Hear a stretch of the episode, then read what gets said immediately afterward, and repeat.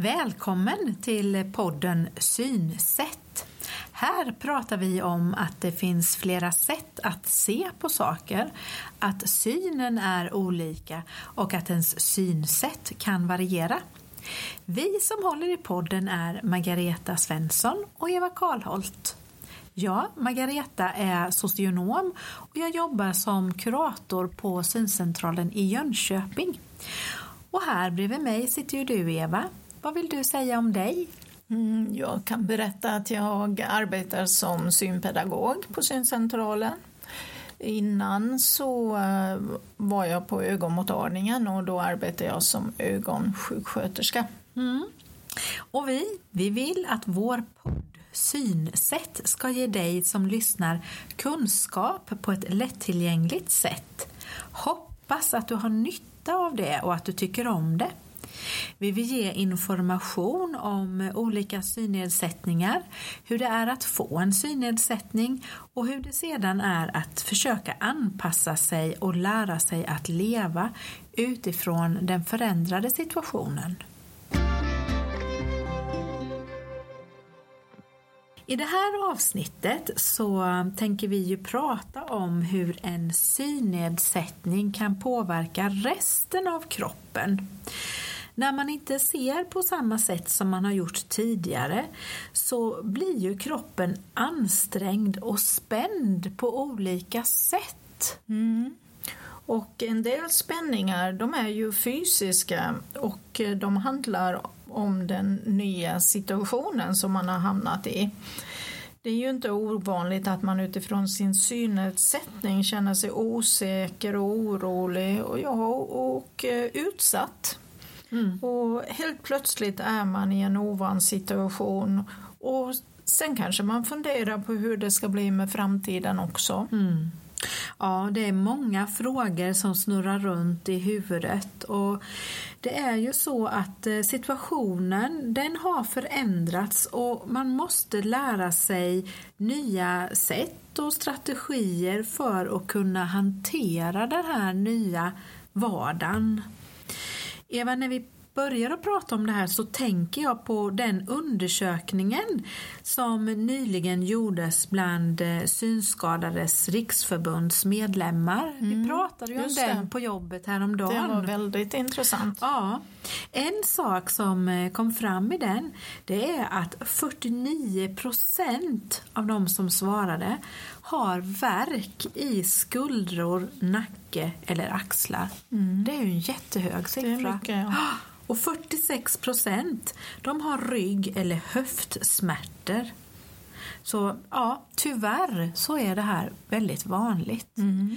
Men du, jag tänker, eh, alltså, eh, kan vi inte ge några praktiska exempel på varför det blir så här? Så det är lättare att förstå kanske? Mm, jag tänker på att eh, när man är ute och går så spänner man sig ofta. Mm. För tänk dig då att eh, när synen har blivit sämre mm. så ser man ju kanske inte marken eller underlaget som man går på. Nej. Och det kan vara svårt att avgöra om det finns ojämnheter mm. eller kanter eller om det ligger någon sten i vägen eller om det är något framför en. Mm. Det skulle ju kunna vara väldigt mycket som man inte uppfattar som mm. är framför en. Och, och, det är klart att då, då försöker man ju eh, titta efter och, ja. och, det krävs ju då att man är alert och på helspänn hela tiden. Ja. Och man kanske spänner alla muskler för att mm. parera om man skulle få lite obalans för man vill ju ha kvar balansen så mycket som möjligt. Mm.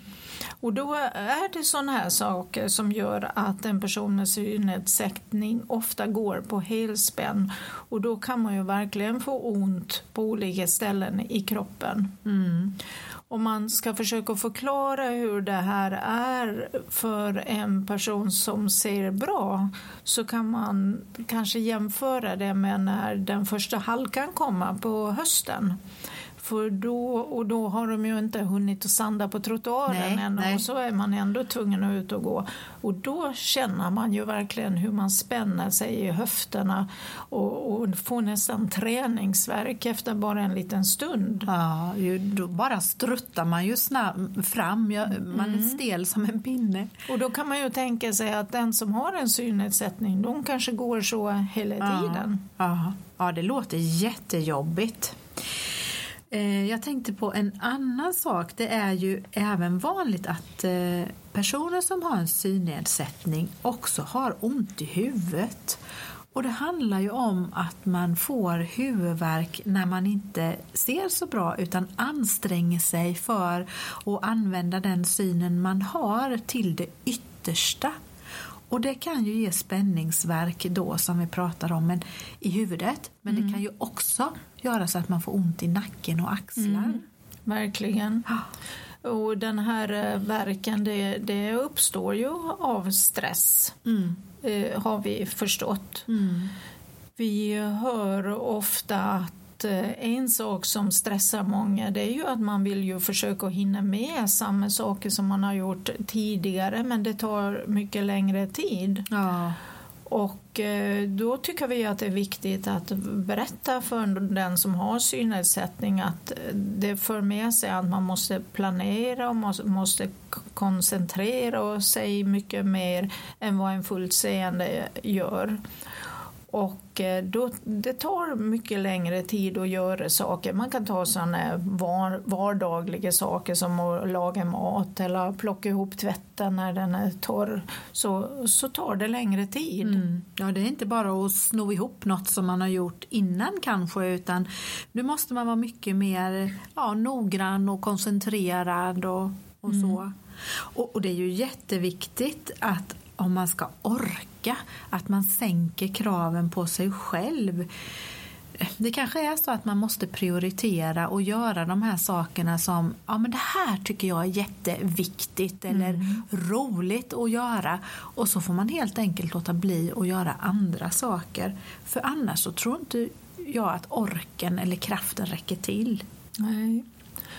Och eh, jag tänker ju också på en sak som man kan få ont av det är ju att man böjer nacken eh, eller försöker att titta neråt och, eh, och luta sig framåt för att komma närmare när man vill se någonting. Ja. För det är ju så att det som man kommer närmare det blir ju större. Och eh, då känns det ju som att man ser det bättre. Och om vi då tänker oss att man tittar i en tidning eller ska se på och läsa på en förpackning så är det ju viktigt att man försöker ta upp tidningen, boken eller förpackningen och hålla upp den nära ögonen. För då, då blir det en bättre eh, rörelse och bättre hållning i kroppen.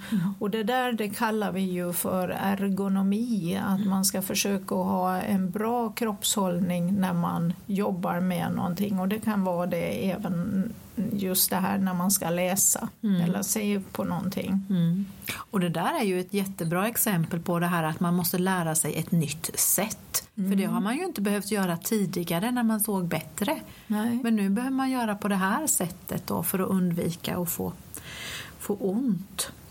Men du, jag tänkte på om man nu har ont, om det nu är i huvud eller i nacke eller axlar och så, då är det ju bra att försöka göra något åt det. Att kanske kontakta en sjukgymnast eller naprapat eller massör för att få hjälp. Och av i alla fall en sjukgymnast så kan man ju få anpassade övningar som hjälper till att stärka musklerna i kroppen och så, så att man inte behöver ha så ont. Du, ska vi fortsätta kanske och prata om vad som kan eh, hjälpa oss att eh, må bättre och kanske få mindre ont? Mm. Ja, vi kan ju ta det där när, du pratar om sjukgymnast för då kommer jag att tänka på fysisk aktivitet. Mhm, det ligger nära till hands. Ja, för, för att eh, röra på sig det är ju viktigt för alla för Ja. att eh, man ska må bra. Och promenader, det är ju det enklaste. Det mår ju hela kroppen bra av, om man nu har möjlighet att mm. promenera förstås. Men andra tips på rörelse, det kan ju vara vattengymnastik eller att simma. Mm. Och, och, det är ju både skönt och stärker ju ryggen och magen och hela kroppen. Mm. Så motion det hjälper ju både kroppen och själen faktiskt att återhämta sig. Ja, det har du helt rätt i. Och du, vi kan ju berätta också om det här att, att kroppen har ju ett eget eh, system av eh, smärtlindrande och muskelavslappnande ämnen och det brukar man ju kalla endorfiner. Mm. Och det är ju när man till exempel då rör på sig som de här ämnena bildas och det är därför det är så värdefullt att göra de här sakerna för att må bra. Mm. Mm. Man får gå på endorfinjakt ja, helt enkelt. Det är ett bra tips. Mm. Så det vi vill få fram det är ju att det går att komma väldigt långt på egen hand genom att man blir medveten om sin kropp mm. och hur man använder den. Och det är ju viktigt att var och en hittar det sätt som passar en själv. Absolut. Och eh, sen att man ger det tid mm. och framförallt att man hittar en rutin som passar in i livet. Mm. Mm. Eh, man ska ju försöka få till en regelbundenhet. Och eh, man brukar ju faktiskt säga som så att den bästa fysiska aktiviteten det är den som blir av. Mm, det har du så rätt i. Och det är väl det som är det svåra ibland. Mm. Mm. Ska vi fortsätta att prata mer om vad man kan göra för att må bra och ha en god hälsa? Mm. Man har kommit fram till att eh, flera saker hjälper till och stimulerar det här systemet som vi pratade om innan och som hjälper kroppen och själen att må bra. Mm. Och eh, då börjar vi väl med mat, tycker jag. Ja, det För tycker det är jag. ju viktigt att man har regelbundna matvanor och eh, att man varierar kosten för att få i sig fibrer och proteiner och mineraler och vitaminer förstås. Mm många byggstenar. Ja. ja. Och motion, det har vi ju redan varit inne på, men vi kan väl nämna det igen för att det är så viktigt. För det var ju så att när kroppen, när vi rör på oss och motionerar så producerar kroppen det här hormonet endorfin. Mm. Och det var ju då både smärtlindrande men det minskar också oro och eh, nedstämdhet. Det finns studier som visar på att eh, motion som motsvarar en rask promenad i en halvtimme, 45 minuter, minst tre gånger i veckan, det höjer humöret och minskar nedstämdheten. Mm. Och det är ju ingen dålig medicin. Nej, det är ju jättebra. Och jag tror det, det är viktigt just det där att den promenaden är rask. Ja. Eller att, att just det här att man får upp pulsen. Ja, just det. Så att man blir uh, trött ja. av det. Ja. Man brukar ju också säga att eh, motion även ger bättre sömn. Mm. Ja. Just det. Mm. Men uh, först så tänkte jag säga någonting om ljuset. Mm. För ljus är ju också viktigt för att man ska må bra. Och eh, ljuset reglerar ju den här eh, cykeln som heter serotonin och melatoninnivån i hjärnan. Mm. Och men vad, vad, vad, är den bra för nu då? Ja, serotoninet det behövs eh, för att man ska må bra och känna sig stark och vilja göra saker, ja. må bra. Ja. Och melatonin det är det som kommer på kvällen när det blir mörkt mörkt. Det är det. sömnhormonet. Mm. Och dagsljuset, det är ju viktigt och det är bra att man försöker gå ut i dagsljuset varje dag. Och det mm. får man ju tänka på, särskilt på vintern. Mm. Och om det då är halt och man inte kan gå ut så får man väl sitta ute lite vid mm, husväggen. Mm. Bara eller, så man får ljuset. Ja, eller balkongen. Ja. ja. Mm.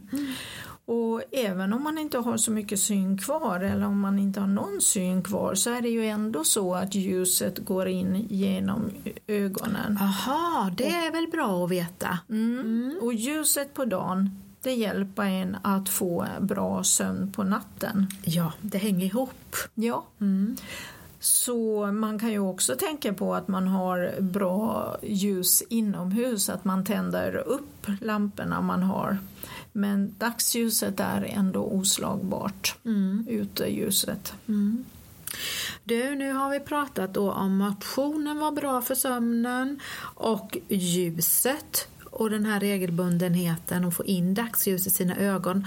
Det påverkar också eh, att man sover mm. bra på natten. Det. Och det här med sömn det är ju grundläggande för att eh, vi ska må bra och fungera den vakna tiden. Men det är ju väldigt fascinerande också att när vi sover så jobbar kroppen. När vi sover som djupast, alltså det man brukar kalla djupsömn, eh, då håller ju kroppen på att reparera olika funktioner och immunförsvaret stärks. Eh, och även hjärnan håller på att återhämta sig. Mm. Så det är mycket som händer när vi sover. Det är bra. Ja. En vuxen person brukar man säga behöver 6 till 8 timmars sömn per natt. Det är väl lite individuellt det där. Mm. Mm. Och vad som kan vara viktigt att tänka på för att kunna somna och sova gott, det är väl att man varvar ner innan man går och lägger sig. Eh, ja, och det kan man ju göra genom kanske avslappning eller att man går en kort promenad. Att man inte dricker någonting som har koffein i sig. Och att man kanske tänker på att inte heller använda eh, datorer eller mobiltelefoner och så. För skärmarna där, de strålar ut ett slags eh, blått ljus på en frekvens som lurar kroppen så att den tror att det är dag. Mm. Så då kopplar den inte av och Nej. tänker att det är sovdags utan då sätter den igång och tror Just att det är dag. Ja. Det är för ljust, då kommer inte det där melatoninet. Nej, så måste Nej. det ju vara. Mm. Ja. Mm. ja, och ett annat tips så att kroppen mår bra, mm. det är att eh, ta hand om sin själ. Ja, det och sa att varva du. ner. Det sa du förut, att kropp och själ hänger ihop. Mm. Och eh, det kan man ju försöka göra saker som man tycker om, mm. som man mår bra av och som är roliga. Ja. Eh, det kan ju vara både små och stora saker. Det kan vara att läsa eller lyssna på musik eller en bok, att eh, slappna av. Man kan ju umgås med familj eller vänner. Man kan gå på ett föredrag. Mm. Kanske på bio eller en konsert. Mm. Ja, det finns jättemånga saker egentligen som man skulle kunna göra mer av. Mm. Och när du nämner det här med att eh, vara med familj och vänner och så, så för oss människor så är ju sociala kontakter väldigt viktiga för att vi ska fungera på ett bra sätt. Och det är positivt att vara i sociala sammanhang där man trivs och får energi. Och det kan ju vara ja, sjunga i en kör. Mm. Det kan ju mm. vara att kanske gå någon kurs eller att vara med i eh, någon förening eller vad kan det vara mer? Ja, eh, jo, men det handlar ju om att försöka att hitta eh, en gemenskap med andra. Ja. Mm.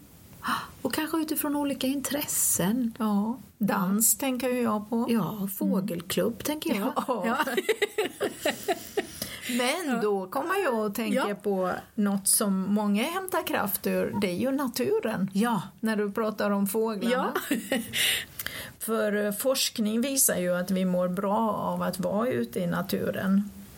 Och eh, det hjälper ju oss eh, med återhämtning och det minskar stressen. Mm. Jag Absolut. tror att det finns studier på det. Ja, det gör det. Mm. Och där, där ute så är det ju många sinnen som aktiveras. Det är ju lukt och syn och hörsel. Man, man kanske hör fågelkvitter och vindens sus. Och Mm. Om man går i en park där det är eh, rosor som blommar så kan man känna doften. Ja, absolut. Så det mår man bra av. Mm, mm. Och när du säger eh, forskning och så, så en annan sak som forskarna har tittat på, man tittar ju på allt möjligt, men det är ju det här med kultur. Och kultur i olika former, det ger också återhämtning och minskar stress. Och det kan ju handla om körsång eller teater, dans som vi var inne på förut och att gå på konserter och så. Det ökar och ger oss en bättre hälsa och eh, ett eh, ökat välbefinnande. Mm. Och eh, visst är det så att på en del sådana här, om vi nu tänker eh, konsert och kanske även museum eller konstutställning, Teater. ja, teater, så kan man få syntolkade eh, tillfällen. Ja, Mm, det kan får man man få. leta upp. Mm. Och det är väl ofta genom eh, intresseföreningen SRF, Ja. eller hur? Mm. Men sen när man kommer hem då, när man har varit ute i naturen och på kulturevenemang så kanske man behöver slappna av. Ja. För då har vi ett område till som man kan tänka på det, och det, och det är ju avslappning. Eh, För det kan ju minska spänning och värk. Och det finns ju olika sätt. Man kan ju göra det medvetet själv eh, enligt något program. Ja. Men sen så kan man ju gå på yoga och man kan köpa en massage och man kan... En del tycker faktiskt att en promenad är avslappnande. Mm. Absolut. Det var en rad exempel som vi har pratat om nu och det handlar ju om vad vi kan tänka på och göra själva för att må bättre och öka vårt välbefinnande. Och det är ju faktiskt oavsett om vi har en synnedsättning eller inte. Du, nu har det blivit, av, blivit dags att runda av för idag. Mm.